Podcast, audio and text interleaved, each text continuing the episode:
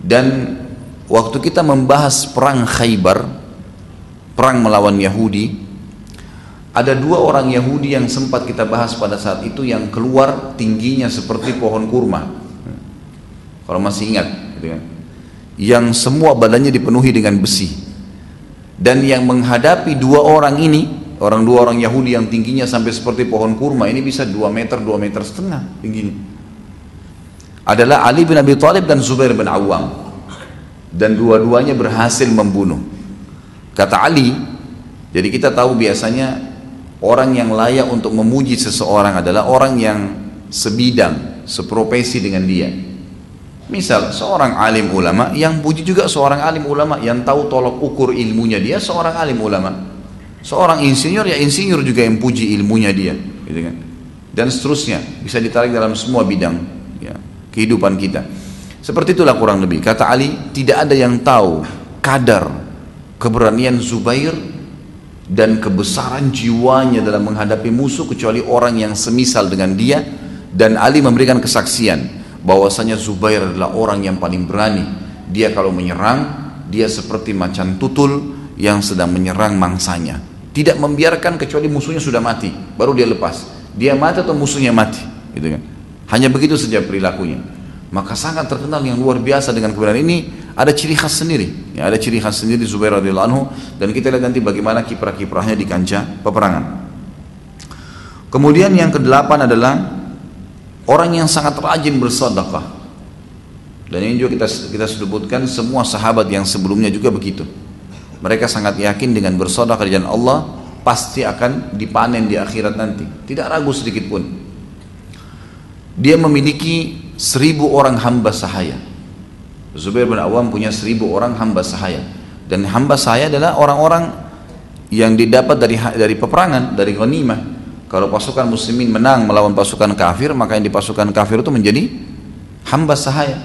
Dan hamba sahaya ini punya hukum sendiri dalam agama kita. Mereka menjadi hamba sahaya setiap muslim, ya, bagian daripada para mujahidin dan dianjurkan setiap mujahid mendidik mereka, memperlakukan memperlakukan mereka dengan baik, memberikan pakaian, makanan dan mendidik mereka Islam. Kita temukan banyak sekali ulama-ulama Islam darinya asalnya dari hamba sahaya. Seperti Nafi' Maula Abdullah bin Umar.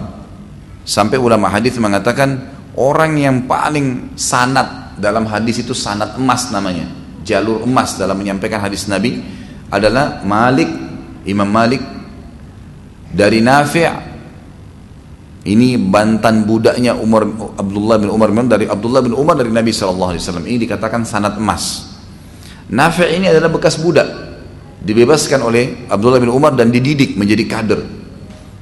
Jadi Islam memang ada hamba sahaya ada perbudakan tapi budak ini bukan seperti yang dibayangkan dicambuk seperti banyak orang-orang lain melakukannya dihina dipekerjakan keras ini semua tidak ada dalam Islam. Tapi yang ada adalah dididik dalam Islam dan memang mereka ya punya hukum-hukum sendiri. Seperti misalnya mereka bisa diperjualbelikan dan yang lebih besar daripada itu hukum Allah SWT dianjurkan untuk membebaskan mereka. Kita temukan misalnya selalu ada kalimat fatahriru raqabah fatahriru raqabah. Selalu kita temukan ada bebasin budak bebasin budak. Contoh zakat mal. Salah satu alokasi zakat mal adalah ar-riqab namanya pembebasan budak. Jadi kita bisa nebus budak itu bebasin budak dengan zakat mal. Kemudian juga budak bisa dipakai untuk membayar kafarah denda. Dalam Islam seperti kasus orang berhubungan biologis di siang hari Ramadan kayak sekarang misalnya insya Allah tidak terjadi. Ada orang berhubungan suami istri batal puasanya karena ya, melakukan hubungan biologis maka kafarahnya, dendahnya dia harus berpuasa dua bulan berturut-turut. Kalau dia nggak bisa, dia maaf, pertama dia bebasin budak. Kalau dia tidak bisa, maka dia berpuasa dua bulan berturut-turut. Kalau dia tidak bisa, maka dia memberikan makan 60 orang miskin. Tapi ada di sini pembebasan budak, dijadikan sebagai tebusan sehingga mereka bebas. Gitu. Kan. Ada juga orang yang sumpah mengatakan demi Allah misalnya. Tapi ternyata dia salah keliru. Ada kafarahnya. Kafarahnya bebasin budak. Atau memberikan makan atau pakaian 10 orang miskin atau berpuasa tiga hari. Kita lihat ada pembebasan budak gitu kan? Dan banyak hukum-hukum syar'i. Bahkan setiap budak ada namanya hukum dalam fikih kita namanya mukatabah. Mukatabah itu seorang budak bisa datang kepada tuannya dalam Islam dan berkata saya mau bebas tapi saya ingin tebus dengan cara menebus diri saya maka tuannya mengatakan boleh silahkan ya, kalau mau bayar kepada saya misalnya 10 juta Budaknya bilang, baiklah saya akan bayar setiap bulan satu juta. Berarti 10 bulan saya bebas. Kalau sudah sepakat, maka setiap bulan dia tinggal menyetor kepada tuannya. Kemudian 10 bulan kemudian dia bebas. Gitu kan. Bisa juga hukum syari kalau seseorang memiliki budak hamba sahaya bekerja sama dia membantu atau dia memperkerjakan kepada orang lain lalu hasil kerjanya dibagi dua atau diambil sebagian dari hasil kerjanya dan ini salah satu sumber pendapatan memang yang ada dalam Islam menggunakan tenaga hamba sahaya. Dan Zubair bin Awam memiliki seribu orang hamba sahaya yang dia dapatkan dari peperangan dan juga didapatkan dari pasar-pasar perbudakan yang diperjualbelikan. Kemudian dia pekerjakan dan hasil yang diambil yang diserahkan oleh eh, hamba-hamba sahayanya dari setengah pendapatan mereka itu semuanya disodokahkan di jalan Allah. Semuanya. Pendapatannya dari seribu orang gitu kan. Semua dikeluarkan di jalan Allah subhanahu wa ta'ala. Dan ini bukti bahwasanya bagaimana beliau gemar sekali bersedekah. Bukan berarti tadi karena hasil pekerja hamba sahayanya lalu kemudian dia nikmatin. Tidak. Sama sekali diinfakkan semua di jalan atau disedekahkan semua di jalan Allah subhanahu wa ta'ala. Zubair bin Awam memiliki cukup banyak anak keturunan. Anak beliau itu jumlahnya sekitar 20 orang. 11 orang laki-laki dan 9 orang perempuan. Dan beliau menikah dengan 7 orang wanita tentu ada yang meninggal kemudian menikah lagi karena tidak boleh menikah lebih dari empat bagi laki-laki dalam Islam tapi wanita-wanita yang hidup yang terlihat dalam kehidupan Zubair bin ada tujuh disebutkan dalam sejarah. Ada pada saat beliau meninggal memang empat orang yang bersama beliau. Tapi setiap meninggal atau beliau misalnya terpisah saya tidak temukan riwayat beliau cerai ya. Yang kemungkinan besar adalah istrinya meninggal lalu kemudian beliau menyempurnakan poligaminya dengan empat istri. Sampai beliau meninggal dengan kondisi meninggalkan empat orang istrinya dan dari wanita-wanita inilah dari tujuh orang wanita yang terlihat dalam hidup beliau enam orang sempat melahirkan anak buat dia dan yang satu ya istri terakhirnya itu tidak sempat memiliki anak. Misal saya berikan atau saya susun di sini data, tentu di buku-buku di buku yang teman-teman pegang tidak ada data ini ya, tidak selengkap ini. Ini saya tambahkan. Istri beliau yang pertama adalah Asma binti Abi Bakar, anaknya Abu Bakar, radhiyallahu anhu.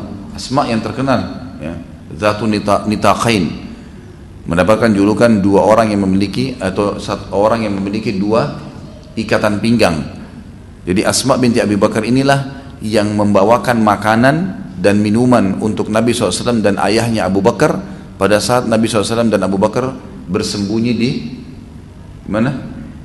Garthur ya. Di Gua Thur.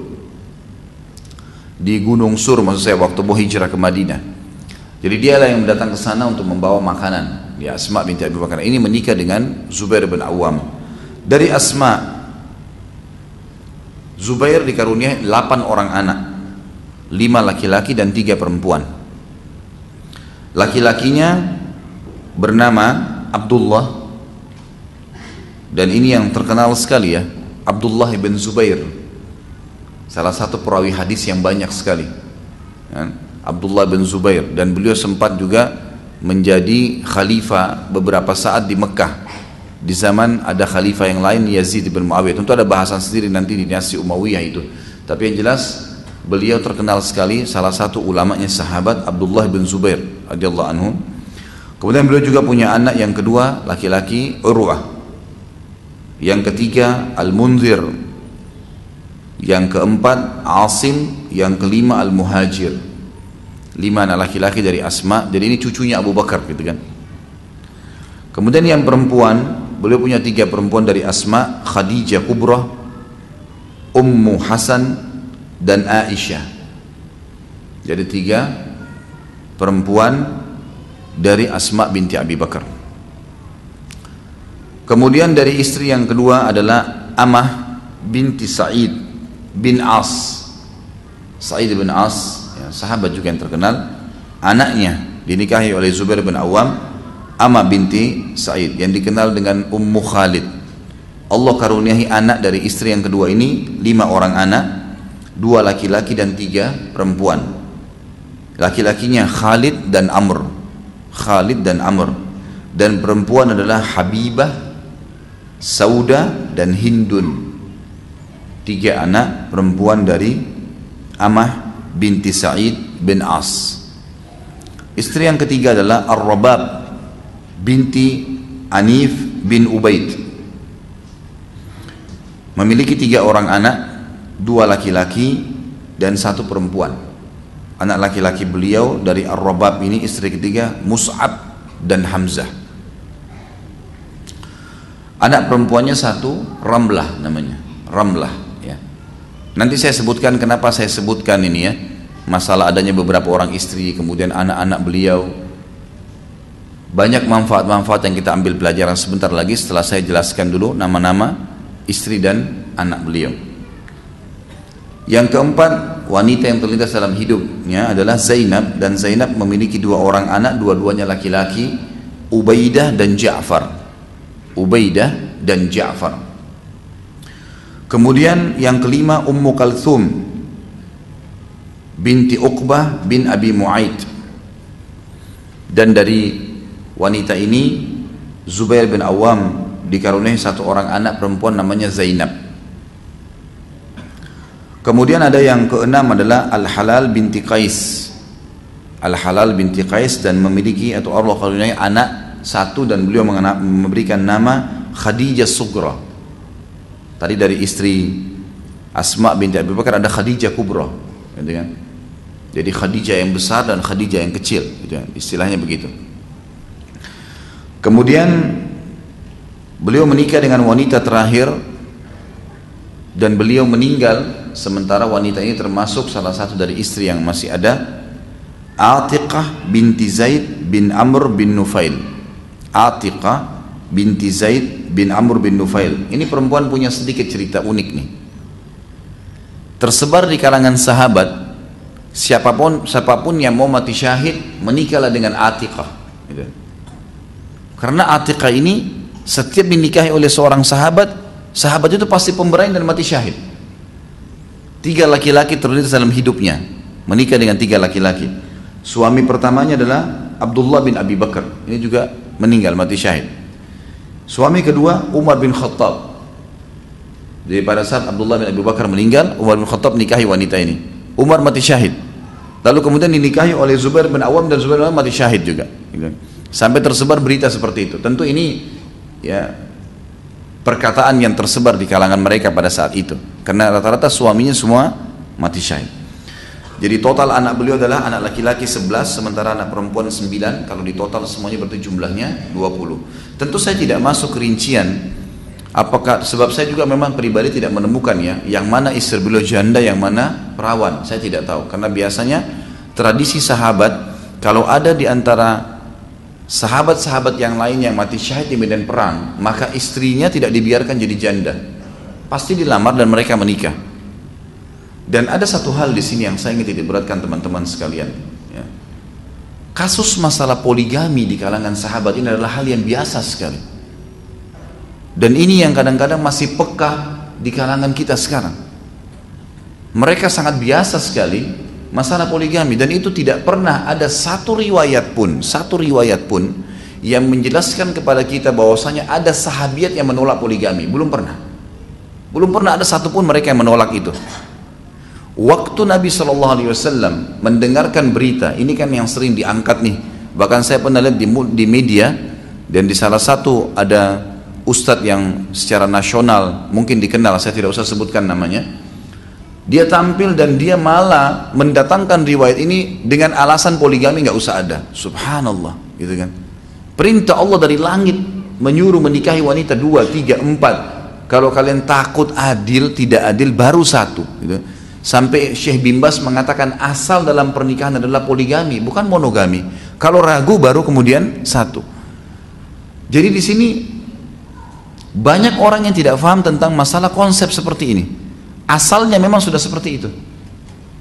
Para sahabat biasa sekali mereka melakukan pernikahan seperti ini. Dan itu bukan aib bagi mereka. Kalau ada seorang yang mati syahid meninggal, maka pasti para sahabat yang belum mati berlumba-lumba mendatangi rumah mereka sambil mengatakan wahai ummu fulan kami kalau habis masa iddamu beritahukanlah kepada kami. Saya kembali dulu ke riwayat tadi. Ada orang yang menolak poligami sekarang dengan alasan riwayat ini. Mengatakan bahwasanya Ali radhiyallahu anhu pernah di masa Fatimah masih hidup radhiyallahu anha akan menikah dengan anaknya Abu Jahal. Abu Jahal meninggal dalam keadaan kufur tapi anak perempuannya masuk Islam karena dianggap kedudukan Abu Jahal dulu Raja Mekah orang-orang muslimin mengatakan orang-orang dari Mekah mengatakan orang-orang Quraisy wahai Ali nikahilah anaknya Abu Jahal. Sebab dia punya kedudukan layak untuk menikah dengan orang seperti kamu. Maka Ali pun waktu itu diam menunggu titah dari Nabi Shallallahu Alaihi Wasallam. Fatimah di sini tidak ada satu kalimat pun dan riwayat mengatakan Fatimah radhiyallahu anha tidak pernah ada riwayat satupun sahabat yang menolak masalah hukum Allah SWT ini. Tidak pernah ada riwayat satupun saya katakan seperti itu. Riwayat yang saya sebutkan sebentar lagi adalah riwayat yang sering diangkat dan disalahfahami. Waktu mendengar bahwasanya Ali akan menikah dengan anaknya Abu Jahal, Nabi SAW naik ke mimbar lalu berkata, setelah tahmid dan salawat beliau mengatakan, saya bukan melarang hukum poligami dan saya tidak menahan Ali untuk menikah lagi. Nabi SAW jelaskan, tetapi tidak layak bersatu di bawah naungan seorang laki-laki, anak seorang nabi dan anaknya musuh Allah. Gitu kan? Jadi di sini Nabi SAW bukan melarang Ali poligami. Fatimah juga tidak pernah menolak poligami pada saat masa hidupnya. Tetapi yang di sini Nabi SAW waktu itu yang mengambil Ali, menahan dan ini kata para ulama kemungkinan besar memang wahyu dari Allah Subhanahu Wa Taala. Karena Nabi SAW tidak pernah berbicara kecuali dengan wahyu, gitu kan? Maka yang terjadi adalah Nabi SAW mengatakan tidak layak anak seorang Nabi berada di bawah naungan laki-laki disatukan dengan anak musuh Allah, gitu kan? Hanya karena kasus itu saja. Tapi dikatakan nih buktinya nih, Ali sendiri tidak menikah, tidak poligami sampai Fatimah meninggal. Nabi SAW sendiri tidak menikah sampai Khadijah meninggal, sehingga dijadikan sebagai tolok ukur.